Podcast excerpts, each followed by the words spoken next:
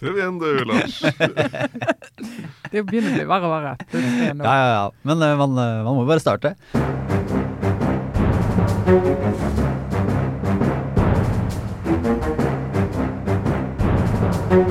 Eh, Velkommen. Dette er en ny utgave av Aftenpodden. Vi er på plass i studio her.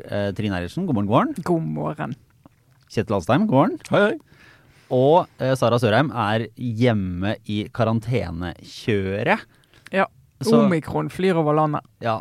Og det, det store spørsmålet nå er jo om dette her er Altså, er vi inne i eh, gode nyheter? Dette er over. Da ser jeg for meg at Sara eh, nå sitter hjemme i karantene, ikke liksom får med seg alt det som skjer utafor. Og blir som den der siste japanske soldaten som satt på en sånn stillehavsøy og kjempa andre verdenskrig til langt ut på 70-tallet. Så, så hun kommer til å sitte i karantene der nå i, i månedsvis. Eller den der filmen om uh, denne dama som har ligget i koma og ikke fått med seg at muren falt i Berlin. Ja.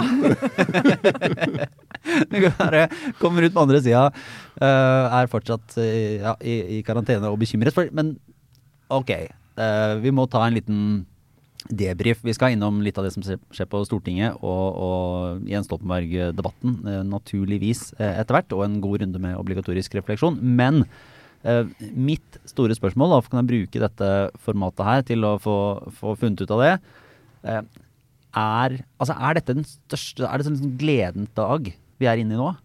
Da tror vi må legge til eh, en liten faktaboks. Nå når vi eh, sitter i studio, så er klokken eh, fem over ti torsdag morgen.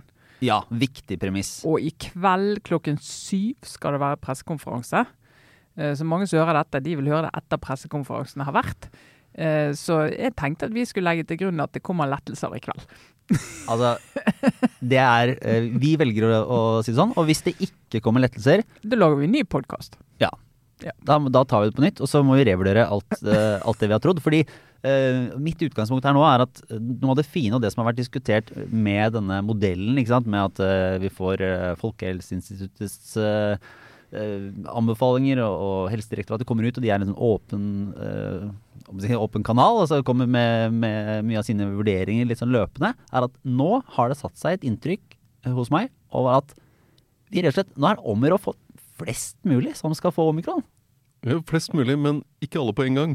Det er, en sånn, eh, det, det er jo en sånn mentalitetsendring som eh, er oppe i denne uka her. Er Folkehelseinstituttet er ute og sier at ja, dette kommer til å gå gjennom befolkningen, og det må vi bare regne med. Og så må vi bare passe på å kontrollere det, sånn at det ikke går altfor fort. Og, og, og så blir det bra på den andre siden. Ja, for det er rart. For Vi må liksom omfavne Ja. omikron, bare i sånn passende tempo. Så hvis vi da kunne få en sånn time Når er det min omikron-time her? ja, for, det- er En uke. Ja. Ja. For den er, det er jo litt sånn, litt sånn vanskelig å, å ta alt, men de sier jo at sånn, det å skulle stoppe og bremse uh, smitten nå, vil kreve så strenge tiltak at det i praksis ikke går an. Altså, det er ekstremt smittsomt, Ja. omikron. Mest smittsomme, så langt jeg kan uh, vurdere. Det er den informasjonen vi har fått av de variantene som har uh, strømmet forbi siden våren 2020. Eh, men ikke så alvorlig sykdom er jo det andre. Uh, Selv hvis du ikke er vaksinert, så er ikke sykdommen så alvorlig med omikron som med andre. Og hvis du er vaksinert, så er det nærmer seg bagatellmessige utslag. Og da begynner du å komme inn i hva betyr det for eh, tiltaksnivået, hvordan vi skal håndtere en hverdag med dette viruset. Eh, hva betyr det for karanteneregler, isolasjonsregler, hvordan skal vi tenke rundt det. Du kan ikke både si det er ikke mulig å si både at nå skal vi la omikron strømme kontrollert gjennom befolkningen, og at alle skal sitte hjemme i karantene og være isolert på samme måte som i dag. Fordi da, da klapper eh, samfunnet sammen. Ikke på, først og fremst fordi sykdommene blir overbelastet, men det vi kommer til å få et sykefravær som gjør at ting bare ikke virker. Og dette er jo det da eh, regjeringen skal balansere på et eller annet vis, når de i, i kveld kommer med sine tiltak. Vi, vi, uten å skulle se for mye inn i, i spåkula og risikere å, å rote oss. Litt, bare gjør litt. Men, men litt, kanskje. Uh, hvilke, er det noen ting som ligger fremst i eh, kan Vi kan anta ligger fremst i, i pannebrasken og, og i køen av ting som skal lettes på? Aller først ligger skole, Mm. eh, Kjetil. Ja, altså den kronikken som, som Bjørn Gullvåg, Camilla Stoltenberg og Hege Nilsen, som er direktør i Utdanningsdirektoratet, kommer på NRK eh, i morges, altså i dag, torsdag, eh, den er jo helt krystallklar på at eh, det er trygt med, med, åpne barnehager og skoler. Eh, og man har jo diskutert nå eh, Det har vært rødt nivå på videregående skoler, som betyr at ca. halvparten kan være der eh, sånn at de ikke er der annenhver dag. Og gult nivå på ungdomsskoler og sånt. Men i praksis har jo ikke, har jo ikke det fungert nødvendigvis som gult nivå der heller, fordi skoler er trange og de er ikke bygd for eh, den type oppdeling av klasser. Så det har vært eh, mye rødt nivå, mye digital hjemmeundervisning for veldig mange. Det de sier nå, at det er, det er ikke faglig eh, grunnlag for den type tiltak overfor skoler og barnehager. Egentlig så sier de at man ikke skal ha rødt nivå, ikke skal ha gult nivå, ikke engang ha grønt nivå. Du kan gravlegge hele trafikklyset og så kjøre inn testing. Mm. Og, og det, det, finnes jo på en måte mange vurderinger av det hele veien. Her har vært sånn ok, Helsemyndighetene kommer med sine anbefalinger, politikerne tar sine valg. Men hvis man skal lese den eh, kronikken, og, og, det på en måte ganske sånn harde, så er det jo både en liten sånn hilsen til altså Heldigvis med, med ny kunnskap, da, men til, til uh, lærerorganisasjonen og de som har vært veldig bekymra på det. Men også til myndighetene, som gjør at sånn forholdsmessigheten i å fortsette strenge tiltak i skolene virker ikke å være der hvis man baserer seg på den oppdaterte kunnskapen som de har her. Da. Og det, det, er jo veldig betryggende, tenker jeg, for, med tanke på de ansatte. fordi mange har jo skjønt den bekymringen som lærere har og barnehageansatte har hatt. Men det de skriver her, er at eh, det er 92% av ansatte i barnehager og skoler har to vaksinedoser. Og da er de godt beskyttet mot alvorlig sykdom. Eh, I løpet av uke to så vil 65 eh, av dem ha fått boosterdosen i tillegg. Og det er svært få ansatte i barnehager og skoler som har vært innlagt på sykehus under deltabølgen. Det er, jo, det er jo bra nyheter. Det er kjempegode nyheter. Eh, men skal dette bære, så igjen så må de gjøre noe med karantene- og isolasjonsregler. For du kan ikke da si at en lærer som har vært eh, nær en elev som blir smittet, da skal være hjemme i alle de dagene. Mm. Eh, fordi at det som skjer på skole da, det, Du kan ikke bare i dag ringe inn og få masse inn vikarer og kompetente eller ukompetente for den saks skyld vikarer til å løse dette. Det er ikke folk til å bemanne eh, på en del av de skolene sånn at det går rundt. Så du er nødt til å se på det systemet også, så du faktisk klarer å holde oppe bemanningen. Men og der Nå går vi liksom kanskje dypere inn i helsespørsmål som vi ikke har helt grunnlag for å besvare. Så jeg starter mer som et, bare et, et åpent spørsmål. Det er jo sånn, Skal man da si at alle de elevene som antageligvis eh, på et tidspunkt nå da, vil få omikronsmitte, skal være hjemme, på, hjemme fra skolen selv om de ikke er si, ordentlig syke. Altså litt sånn som uh, i, i tidligere, et tidligere liv, da, så var det jo litt sånn at eh, folk gikk jo på, altså elever gikk jo på skolen selv om de var litt snufsete og selv om de hosta litt. Og, altså, det er jo en, mm. det som var en hverdag. Uh, så blir jo spørsmålet hvordan man skal forholde seg til det nå med et nytt virus. Om man skal ha de samme liksom strenge sånn er du litt syk, så skal du holde deg hjemme. For da er vi jo plutselig tilbake på noe som likevel kan om ikke lamme samfunnet, så er det jo ok, da. Så er det en stor andel av barna som var hjemme, så er det en stor andel av foreldrene som var hjemme, mm. og så er vi jo liksom mm i et stort samfunnsproblem. Selv om helsesituasjonen ikke er så alvorlig. Og da er svaret fra disse tre i den kronikken at er, løsningen er aktiv testing. Og det mm. er, eh, det er bedre løsning enn eh, en det, det, vi har prøvd til nå. Og så andre tiltak så jo, er jo åpenbart at det kommer noe på utelivet. Eh, og, mm. og, at skjenkestoppen oppheves sånn som den har vært nå. Og så er spørsmålet hva, hva, hva slags begrensning som kommer i stedet.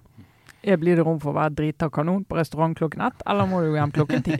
må du gå hjem før du begynner å danse på bordet? Ja, det, det, tror jeg kanskje. ja. det, det, tror jeg òg. Det vil være noe, noe, der. Eh, vi skal se på regjeringa, som har måttet eh, foreta en uh, altså, Det blir jo for rart å kalle det en snuoperasjon, kanskje, men de har måttet gjøre den retoriske og politiske øvelsen det har vært å stenge ned Norge i stor grad. Innføre ganske strenge tiltak, til dels upopulære. Og så Eh, foreta en gjenåpning som ennå er uklar hva inneholder, men som, som åpenbart kommer til å bli lettelser. Eh, det har ikke vært helt enkelt for dem. Nei, og jeg tenker hvis vi skal ta på skoene til de som sitter i regjering, så tenker jeg at eh, da omikron kom og du ikke visste det vi vet nå, du visste ikke hvor alvorlig det var, du visste ikke hva det ville føre til på sykehusene, intensivkapasitet, alt det der som vi snakker om, eh, så er det veldig lett å forstå at regjeringen sa ok, vi er nødt til å få oversikt over dette. Og vi klarer ikke å få oversikt over det hvis alle lever som før. For mens vi får oversikt, så kan jo dette eksplodere til noe vi ikke ønsker i det hele tatt. Eh, men jeg tror eh, altså utfordringen for eh, regjeringen, hvis du ser ut i opinionen blant velgerne, og de debattene vi har nå, det var at de sa liksom nå skal vi teste disse nye tiltakene, om de vil teste eller i hvert fall se hvordan de virker, i en hel måned. Og en hel måned er ganske lenge. Eh, For, eh, og Særlig på skole da, så var jo en del av begrunnelsen før jul for å stenge ned eh, rundt omkring, det var jo bl.a. at jeg hadde mye fravær og klarte ikke, gikk ikke rundt, og det var ikke bemanning. Men når du da fortsetter etter jul, så blir det veldig tydelig at den begrunnelsen er ikke helsefaglig eh, fundert. Og da får de masse kritikk for det. Og så kommer den skjenkestoppen som varer i en veldig viktig sesong for utelivet. Så varer den langt ut i januar. Og så viser det seg at eh, ja, vi vet ikke helt om det virker, og vi må liksom se. Og da blir du stående i den debatten i litt for mange uker, fordi at du er så veldig låst til de fire ukene, som er veldig lenge i denne perioden. Ja, så det, det er jo det, det kunne jo vært De var veldig sånn låst til at det gjelder til 14.1. Spørsmålet er burde de hatt en, en ny vurdering rett ved årsskiftet. Eh, Og, og mye taler for det. Samtidig så er jo litt effekten av at du har hatt den debatten, er jo at det nå er bygd opp et press for lettelser. Mm. Eh, og at du vil få og, og, og det er jo så viktig at de har en sånn aksept for eh, ja, nå er det riktig faktisk å slippe opp. Vi vet såpass mye, og vi vet mye, om, vi vet mye mer om omikron-viruset, og vi vet veldig veldig mye om skadene av inngripende tiltak. Mm. Ja, det- ja, ikke minst siden uh, faktisk ser at Altså Det ville jo kunne vært komplisert også å, å overtale folk om at vi skal faktisk skal ha lettelser samtidig som det er uh, nye rekorder for antall smitta hver dag. Det, det er jo ikke en eh, Ja, enkel liten øvelse. Og du, ikke en, altså Så tidlig så kan du ikke si at den store smittebølgen vi ser, den er på å si, ufarlig. sant? Og Du kan si ja da, nei, nå har vi 8 10 000 smittede i døgnet, men eh, det gjør ingenting. I fjor når vi bikket liksom 1000 smittede i døgnet, så var det fullstendig krise. Sant? Sånn at du må liksom ha folk med deg på at dette er annerledes, og da må du ha data som viser at det er det òg. Men det er et eller annet som eh, Uansett, det er vanskelig. Og nå vet jeg at det ble jo en, ble jo en uh, runde her etter at uh, vel P4 hadde et intervju med, med Gullvåg i Helsedirektoratet. Eh, der de kanskje har strakt det litt for langt, eller i hvert fall om, om det om 17. mai kunne gjennomføres som normalt. Men det er ikke mer enn altså Det er vel en drøy uke siden, er det det? Jo, Så var- men de, de strakk det jo altfor langt. Ja. Da. Men eh, og en annen ting som er skjedd, er jo rett og slett at de har fått tid til å vaksinere altså, enda flere. Eh, Noen med første og andre dose, men veldig mange med boosterdosen. Så det gir jo også Vi har et- fått den, vi, Kjetil. Ja, vi har fått den. Lørdag som kommer. Da er du. Da- du er ikke sånn Da kan du du velge mellom Pfizer, Moderna eller Omikron. Ja. Ja, Vi får se hva som treffer meg først. Nei, jeg tror vi hopper videre, eh, for det har jo hva skal jeg si, debatten som går og går, eh, aldri helt kommer til døra, eh, og som, som eh, Jeg er litt usikker på hvor liksom, opinionen er, på om- de er like interessert i dette som vi eh, åpenbart er. Fordi det er én ting som er sikkert, at når en debatt også blir en sånn kommentatordebatt, eh, så, så har den en, eh, en tendens til å leve ekstra lenge, og det har jo spørsmålet om Jens Stoltenberg som mulig ny eh, sentralbanksjef eh, altså bare fortsatt å gjøre. Og da eh, Vi skal gå videre inn på de siste ukens utviklinger og konkrete ting. Jeg bare i starten her en liten anbefaling for å illustrere. Dagsnytt 18 fra onsdag. Debatten mellom Dagens Næringslivs politiske redaktør Fridtjof Jacobsen og Nordlys-redaktør Skjalg Fjellheim er et lite eh, kunststykke av uh, het norsk debatt.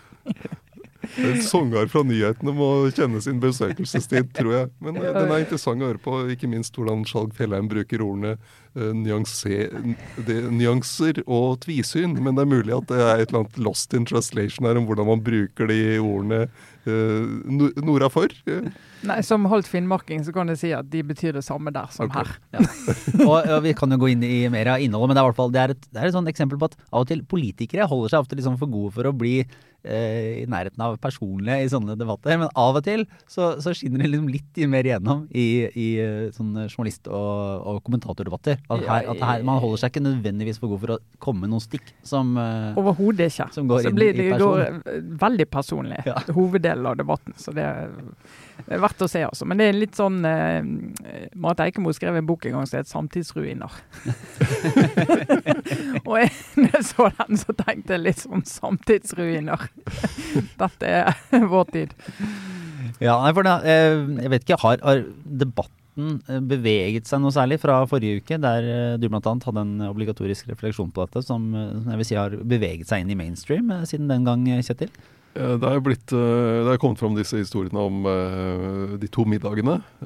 Den, begge hos Knut Brundtland, altså Gro Harlem Brundtlands sønn. God venn av både Jens Stoltenberg og Jonas Gahr Støre.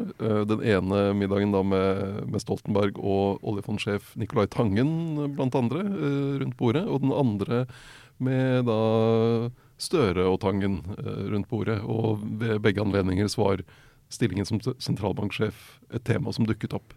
Og det er jo eh, Det er jo pikant, vil jeg si. Eh, altså den eh, Ikke minst den, altså Det er interessant med Nicolai Tangen oppi det, som jo En ny sentralbanksjef blir jo styrelederen til Nicolai Tangen, så sjefen til Tangen. Og så er det noe med den rollen Knut Brundtland har oppi det. Hvorfor er det han som er verten? Hvorfor er det han som bringer disse menneskene sammen? Ja, fordi han er jo en, eh, altså en, altså en, karakter i dette som er veldig fascinerende. Fordi han er jo da eh, barndoms- eller ungdomsvenn av Jonas Gahr Støre. Åpenbart eh, også kjent Jens Stoltenberg lenge. Tydeligvis et, et relativt eh, nært forhold til uh, Nicolai Tangen. Han var jo bl.a. gjest på dette seminaret som Tangen Deler en kunstinteresse. Ja.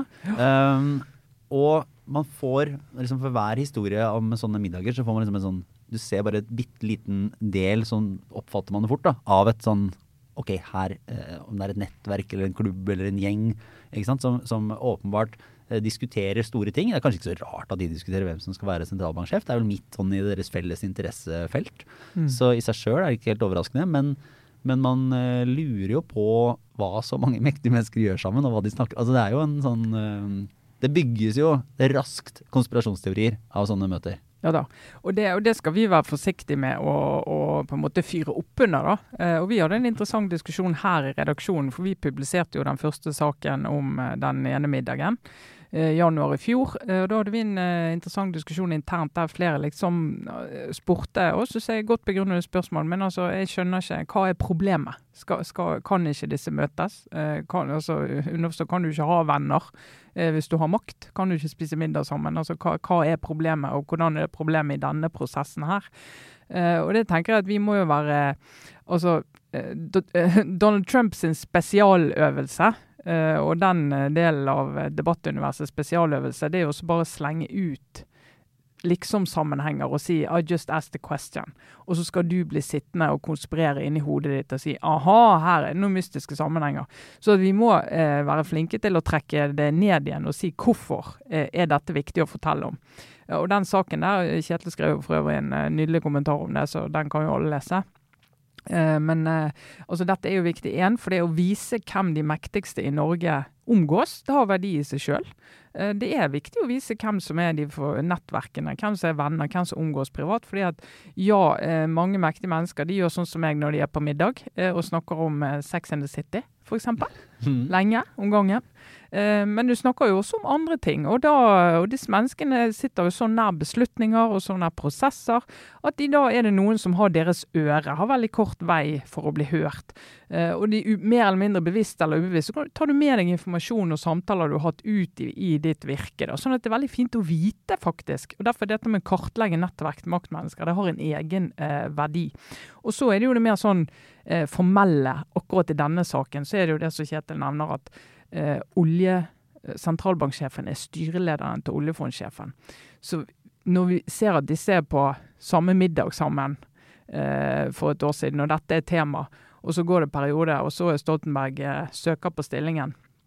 Og da begynner jeg å lure, jobber oljefondsjefen for å få en bestemt styreleder? Eh, hvordan har disse prøvd å påvirke prosessen? Har de gjort det? Altså Da må du følge opp det. Så det er ikke sikkert at eh, du finner ut at det har skjedd noe sånn ureglementert, men at du skal jobbe med det journalistisk. Altså jeg så jo eh, Skjalg Fjellheim mener jo at det å jobbe med dette journalistisk er kampanjejournalistikk eh, og bunner i Ap-hat, som jeg mener er veldig farlig av Skjalg Fjellheim å si.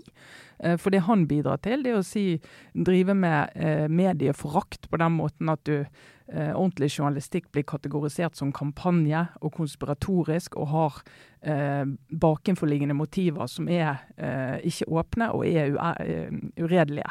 Og det mener jeg er ganske farlig eh, å slenge rundt seg sånn som han gjør.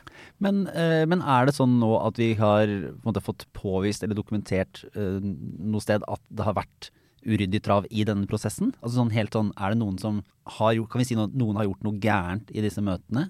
Eh, jeg tror ikke, eh, nei, vi kan ikke si at noen har gjort noe galt i de møtene. Eh, og det er mye i den ansettelsesprosessen som jeg mener ser veldig ryddig ut. Altså det at vi har fått en åpen søkerliste, med, sånn at alle kan diskutere de, sånn som vi har drevet med. Da, så, diskutere de mest aktuelle kandidatene. Og det er jo sjeldent at vi faktisk får, så det mener jeg er totalt opptur her. Og det at Finansdepartementet oppfordret uh, flere til å søke, uh, og to av dem gjorde det, uh, det syns jeg virker ryddig. Det at Finansdepartementet har fått eh, Lovavdelingen i Justisdepartementet til å se på habiliteten til Jens Stoltenberg for å bare liksom, rydde unna det, det er bra.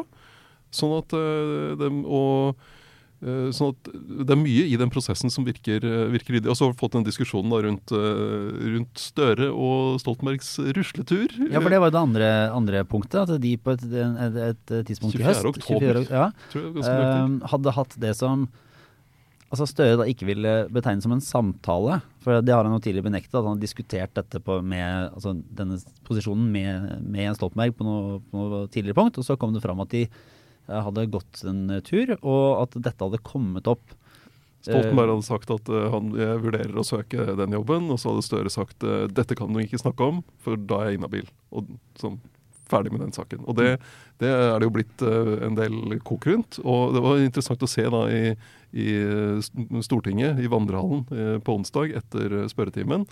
Så, så sto Støre der og lot seg intervjue av det ene mediet etter det andre. Jeg sto og hørte på en del av det, og så tenkte jeg nei, nå går jeg og spiser lunsj. Og så spiste jeg lunsj, og så kom jeg ut igjen, og der sto fortsatt Støre og lot seg intervjue om denne saken. Og det er sånn, da har du bestemt deg for at nå skal jeg svare ferdig om den saken, og legge den bak meg. Men, men ja. bare for å ta- Støre og si, eh, litt i forsvar på det der, da. For de hadde jo den samtalen før, eller de gikk den turen før Jens Stoltenberg hadde søkt og sagt at han var søker.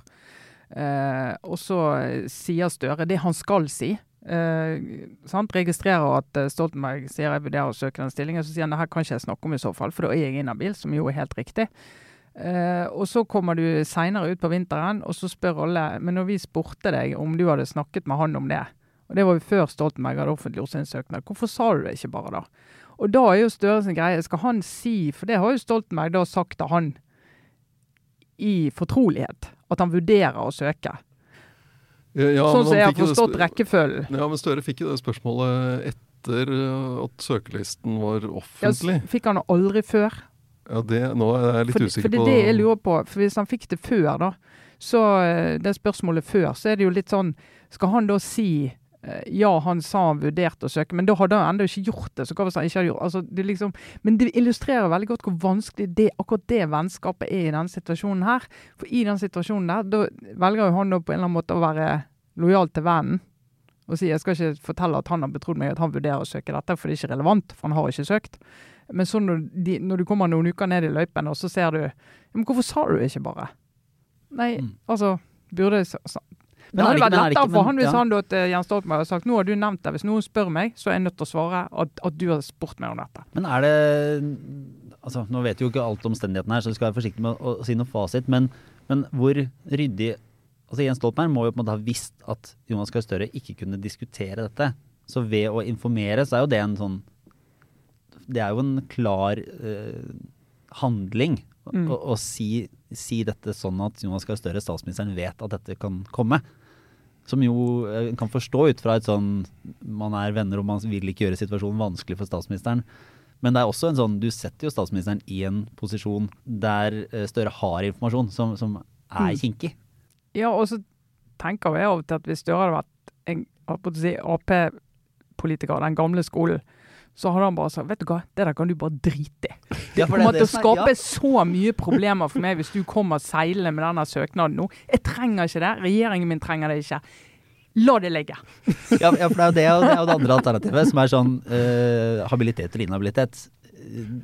Du kunne jo bare sagt Jeg kunne Ja, sagt bare- det, er, det bare trenger vi du hva, det, det, har jeg ikke lyst til at du skal gjøre. Så nå, nå har jeg sagt det, vi trenger ikke diskutere det. Ferdig. Ja, ja, ja. ja. Eh, nei, men fint. Eh, Dette eh, viser jo ja. bare at vi mangler en politisk stilling i det norske politiske systemet. Ikke sant? Du har, eh, du har Jens Stoltenberg. Alle ser jo at eh, han er en fantastisk verdifull ressurs Og så hvordan skal vi utnytte ham? Og så har vi ikke president i dette landet, som jo han kunne stilt til presidentvalg. Eller ikke sant, Kåre Willoch, som nå døde før jul. Han ble fylkesmann i Oslo og Akershus en periode etter at han var ferdig på Stortinget. Han kunne jo vært president for Norge. Men uh, Kjetil, er, er, det noe dette er, Jeg føler liksom 2022 har foreløpig vært mye de samme sakene. Altså det, er, det er jo åpenbart uh, korona. Um, Blant så er det Stoltenberg-debatten, og så har det vært strøm. Men uh, du har jo vært en del på Stortinget. Bare helt sånn kjapt, Er det noe annet vi burde vite om, eller uh, det er verdt å merke seg som kan, kan dukke opp? Men strøm er jo, Der har det jo skjedd ting siden sist, med at de, regjeringen plutselig kom ut i helgen og, og økte den, øh, den kompensasjonsgraden øh, fra 55 til 80% i det som er over ja, 70 øre per kilowattime. Ja, der. Så det, det, er jo mye penger. Og jeg tror nok de så at øh, det rett og slett blir for dyrt. For, det blir for, for, for store innhugg i i, vanlige folks økonomi eh, med de strømregningene som det ligger an til. Så det, det, er, eh, det er, jo interessant. Og, og, så er det, er det jo litt sånn spørsmål i De har jo 100 dager neste uke, eh, regjeringen. Og det er jo litt spørsmål om hvor lenge skal de stå i de krisene. Altså den strømkrise og, og, og koronakrisen. Og så har de i tillegg fått en liten sånn intern pikant strid om oppløsning av Viken eller ei der eh, jo Akershus Arbeiderparti, der eh, statsrådene Anniken Huitfeldt og Tonje Brenna sitter i styret, nå har sagt nei til oppløsning. Har du det? Ja. og Senterpartiet er livid. De er rasende på Arbeiderpartiet. På alle nivåer, vil jeg si. Ja. Eh, på, fra lokalt til helt opp. Men var ikke, var ikke Trygve Slagsvold Vedum ute her for en stund siden og sa at, at, staten til og med skulle ta regninga for denne prosessen? Jo da, så, så det, er, det, er, jo veldig interessant. Og, så har du da Buskerud Arbeiderparti har sagt ja til oppløsning, og Østfold Arbeiderparti har sagt ja til oppløsning. Og i Buskerud Arbeiderparti så er det Martin Kolberg som er eh, leder, så da kommer det jo Det er ikke sånn at de bare sier ja, de sier at dette handler om demokrati og til folkestyre. Så og så, men så de som sier nei, sier jo ja, nei, vi vil jo ikke ha det dette, men nå har vi det, og nå må vi se på kostnadene. Sant? Fordi at Selv om staten tar det, så er det jo ikke sånn at det er gratis penger som ikke kunne gått til noe annet. Eh, og ikke minst fokus. Sant? Hva skal du bruke tiden på? Skal du bruke tiden på å jobbe innover eh, et år eller to til? Eh, eller skal du jobbe med kollektivtransport og videregående skole og ting som virkelig er tett på folk? da, og sier nå, vi får la det water under the bridge, vi må kjøre på. Så det er eh, Det er mulig at det bare løser seg i Viken, og at Arbeiderpartiet liksom, eh, at det blir et flertall likevel eh, i, i Viken Arbeiderparti da, som skal ta stilling til dette i, det er de som avgjør det. februar. Så det går jo rett inn i regjeringen og den uenigheten der. For dette er jo Vedum sitt stor, et av de topp tre løftene til Vedum. Mm. Jeg er ikke sikker på om dette heller er noe som egentlig fenger sånn enormt mange der ute. Altså sitter og venter og venter. Vet ikke hvor mange fylkespolitikere det er i dette landet, Lars. ja, det, det, det eget, Eller hvor godt betalt de er, faktisk. Det er et eget velgersegment. Uh, og det er, ja. Forhåpentligvis lyttesegment, ja. Bare, ref, bare tilbake til den, det intervjuet som alle snakker om, bare for å ta det der med Stoltenberg og Støre. Det var det NTB-intervjuet i desember etter at søknaden til Stoltenberg var kjent. Uh, så han hadde muligheten til å si det da. Og de hadde gått og hatt den turen. Ja, og så kommer det da i morgen eh, kommer en stor proposisjon med alle bevilgninger og sånn til ulike koronastøtteordninger og sånt. Også en stor sak denne uka. Masse penger. Ja, Men, er det, men da er det, det er formaliseringen, eller hva skal man si, den konkretiseringen av hvordan det vil løses. Ja, og så er det jo nå du da får behandlingen på Stortinget og SV skal inn og forhandle, for det er jo de som er budsjettpartner. Eh, så du kan jo få, få justeringer og endringer både på det og strømpakken når det faktisk skal behandles på Stortinget. Hmm. Ja, men Da ser vi jo fram til, ikke minst uh, med spenning, på pressekonferansen uh, torsdag kveld, som noen av lytterne når de hører dette, vil ha full oversikt over. Uh, sånn, sånn, er dette her. Altså, altså, det er på tide at de begynner å legge sånne pressekonferanser. Hva er galt med torsdag morgen klokken åtte? Ja, ikke sant. Det er perfekt. Det kan være en oppfordring. en slags bønn da, fra oss til, til landets politikere og, og, andre som måtte ha ting som er av interesse for oss. Bare time det litt bedre. Onsdag kveld, torsdag morgen. Det er perfekt. Fantastisk. Da kan vi gå inn i det med alle detaljer. Men eh, vi tar en runde med obligatorisk eh, refleksjon. Og Jeg vet ikke om du vil begynne, Trine? Jo, det kan jeg godt gjøre. Og nå på å si fast setebeltene. vi må konsentrere nå må vi konsentrere oss, alle sammen. Nei, jeg har lyst til å snakke litt om eh, samvariasjon og Oi. kausalitet. Ja, men det er bra vi holder så- dette så- bredt. Så må ingen eh, legge på, holdt jeg på å si. Skru av nå. Eh, knaggen er vaksiner. Eh, for jeg eh, sitter jo da i en rolle som gjør at jeg har mye kontakt med lesere og folk som uh, forholder seg til Aftenposten og det vi skriver, og ikke minst det vi ikke skriver. Veldig mange er opptatt av hva vi ikke skriver om vaksiner for tiden. Eh, og både i den responsen jeg får, og det jeg ser i sosiale medier, eh, så ser jeg at eh, mange mener da at de store toneangivende mediene lar være å skrive hvor farlig vaksinen er for eh, de som tar den. Eh, og de har gått inn i Legemiddelverket sine tall, og de har eh, kikket på bivirkningsmeldinger. Uh, og har funnet ut at dette er mye farligere enn det vi klarer å fortelle, kort oppsummert. Uh, og da jo, går det jo an å gå inn der og kikke på de tallene. Det kan andre, alle gjøre. De er åpne. Uh, og det som er litt farlig med måten mange leser de tallene på, det er nettopp det at denne forskjellen på samvariasjon og kausalitet ikke er så langt fremme i hodet til eh, folk. Og nå med fare for å høres belærende ut, men, ja, det, ja, men det, eh, er helt fint å ta en liten, uh, bare en liten recap. for dette, dette kan du lære på alle statistikkurs eh, på aller laveste nivå hvis du vil det, og det er faktisk en veldig veldig viktig forskjell. Uh, og det er forskjell på når fører én ting til noe annet, og når opptrer de samtidig. Uh, og eh, med vaksiner så er det sånn at alle typer eh, mulige bivirkninger, eller ting som skjer med et menneske etter at de har tatt vaksine, eller i forbindelse med at de tar vaksine, det blir rapportert inn. Mm. Leger, fastleger, legevakter, alle gjør det. Bare så vi får inn så mye data som mulig. Eh, og så Noen av disse er, er veldig alvorlige ting. Men de, det er ikke alltid du likevel vet at det var pga. vaksinen. Men du sier ok, vaksinen tok, eh, nei, pasienten tok vaksine på tirsdag, eh, fikk den tilstanden på torsdag. Vi må i hvert fall opplyse om at vaksinen ble tatt på tirsdag, sånn at det også er med. Og sender det inn. Og noe er veldig lite alvorlig.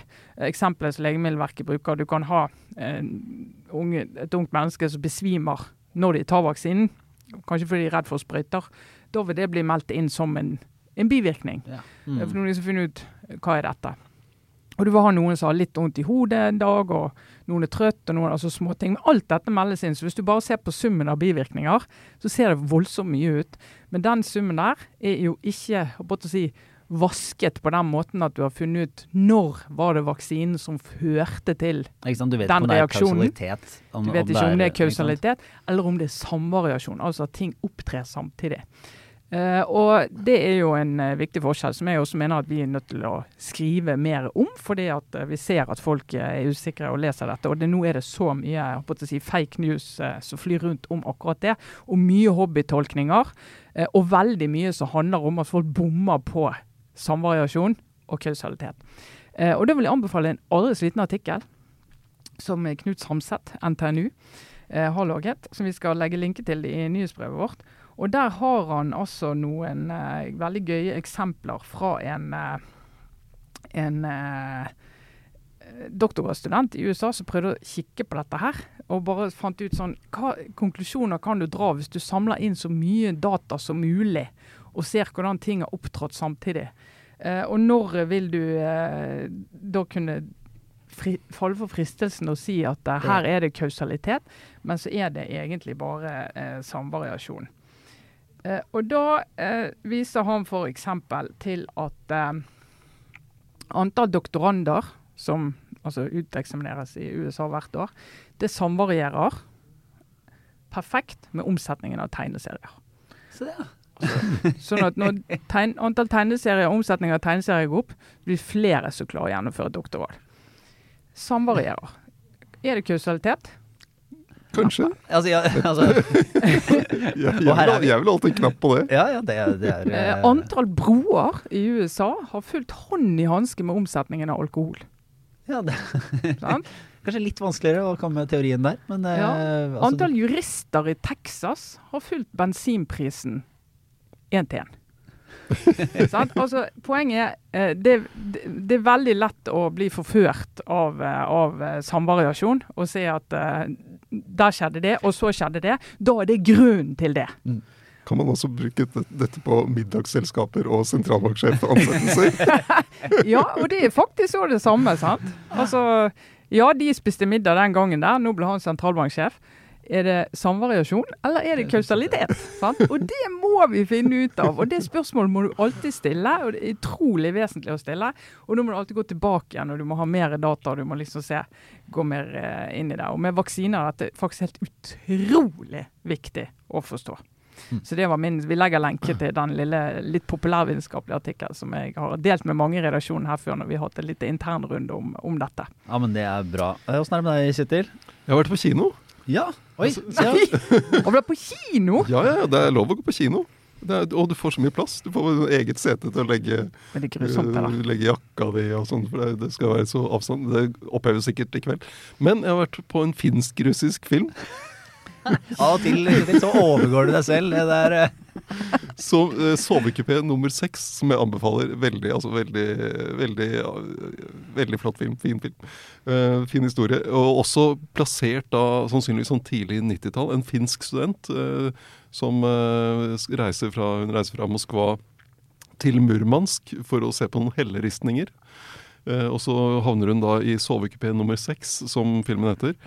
Eh, Sammen med en russisk gruvearbeider som har proviantert godt med vodka. Og så har du denne reisen oppover. Eh, og, og også det at det er plassert tidlig 90-tall. Da kan yngre lyttere få se hva en Walkman var med kassett. Og oppleve også hva båndsalat og se det dokumentert på film. Eh, og så i tillegg har jeg en liten OR om, om noen tips som kom fra det tredje største kraftselskapet i Storbritannia til kunder, for der har de også høye kraftpriser. Så de sendte ut da noen råd til eh, sine kunder om hvordan de kunne holde varmen.